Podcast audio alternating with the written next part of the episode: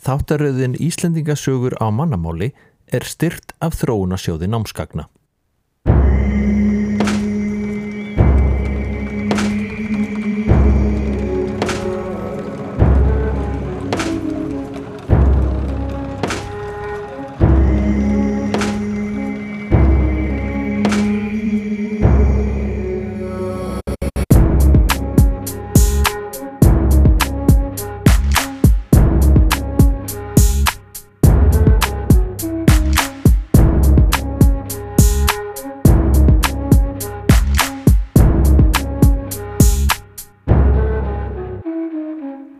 Halló og velkomin í Ormstungur.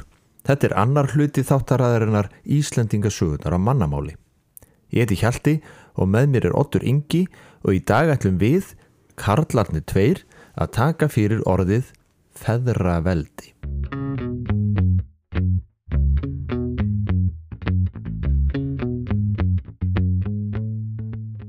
Skulum byrja því að skoða hvað orðið nákvæmlega þýðir. Fyrri hluti orðsins er orðið fadir sem þýðir pappi og setni hluti orðsins þýðir vald sem þýðir að ráða yfir. Samheiti orðsins eru karlaveldi og má jáfnvel segja að kún kvenna og ofbeldi séu líka samheiti. Feðraveldi stendur fyrir kerfi þar sem karlminn fara með helstu völd og hafa ákveðn sérréttindi og stjórna. Og þetta kerfi á sér einmitt rætur langt aftur í fortíðinni og var alls ráðandi á miðöldum þegar Íslendingasögurnar gerast.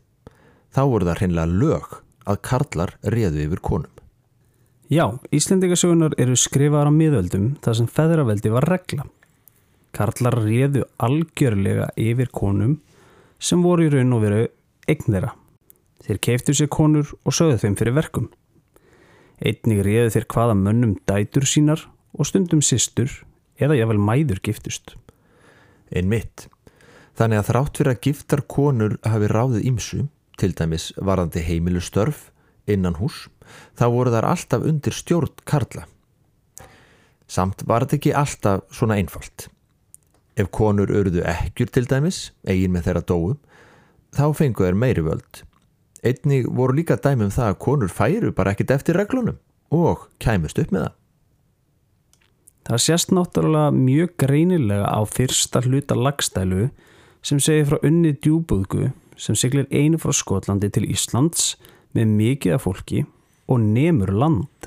Já, í feðraveldunum þar sem karlmenn vildu hafa sína veröld fyrir sig, þá var það karlmennsku raun að sigla til annara landa og sanna gildi sitt. Þannig var þetta rosalett afreg hjá unni. Nákvæmlega. En svo má ekki gleyma því að fólk er líka bara alls konar og þrátt fyrir að karlar hafi ráðið því það ekki að hlutinir hafi alltaf verið óreittladir. Til eru margar frásagnir í Íslendikasögum um að konur hafi verið spurðar ráða áður en það átt að giftast og líka að reynd hafi verið að búa til hjónabönd þar sem karlin og konan var í jafningjar. Til dæmis þegar Ólafur Pá giftist Þorgerði Egilstóttur í lagstælu og hins vegar kemur þeirraveldið berlega ljós í kaplanum um mömmu Ólafs. Hana Melkorku.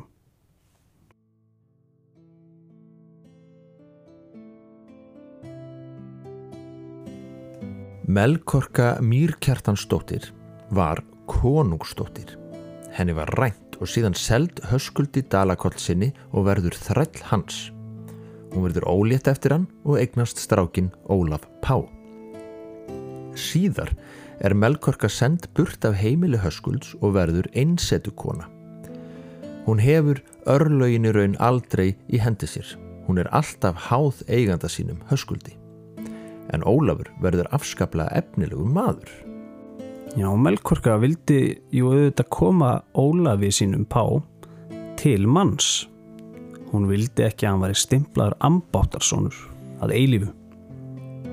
Hún þurfti því að koma honum til útlanda því það var það sem var ætlast til af sterkum kallmönnum að vinna af regg og þannig virkaði feðraveldið. Einni vildi Melkorka sanna ætterni hans en afi hans var nefnilega írskur konungur. Það kann að hljóma einfalt að senda Ólaf með næsta skipi frá Íslandi. En til þess að gangi þarf hann að geta borgað fyrir farið og Melkorka getur ekki útvega fjöð vegna þess að hún er allslaus og höskuldur ræður yfir henni. Hann vildi ekki að Ólafur færi neitt. Þannig þarf Melkorka að beita brögðum og nota feðraveldið til að ná fram vilja sínum. Ef hún giftist verður hún eign þess Karlmanns og hann þarf þá líka að sjá fyrir henni. Já, við skulum lesa dæmið þetta beint úr sjóni. Maður var kallaður Þorbjörn Skrjúpur og hafði lengi haft umsjón með búi Melkorku. Hann hafði viljað giftast henni skömmu eftir hún flytti á Melkorkustöðum en hún hafði tekið því fjarrri. Nú ákvað hún að giftast Þorbjörni og fá hann til að kosta ferð Ólafs, borgaferðinans Ólafs. Hún vildi að bróðköpi færi fram og Ólafur sildi utan á meðan höskuldur væri á alþingjum sumarið, svo hann vissi ekkert fyrir hann eftir á. Þá myndi hann frétta tvent samtímis, sem honum líkaði ítla. Að hún var í gift og Ólafur sonur hans farin úr landi án þess hann vissi. Sem sagt, Melkorka giftist til að koma Ólafi út. Þannig notaði hún reglur feðraveldisins til að fá það sem hún vildi. Ólafur fór út og um það má lesa meira í lagstælu sjálfri.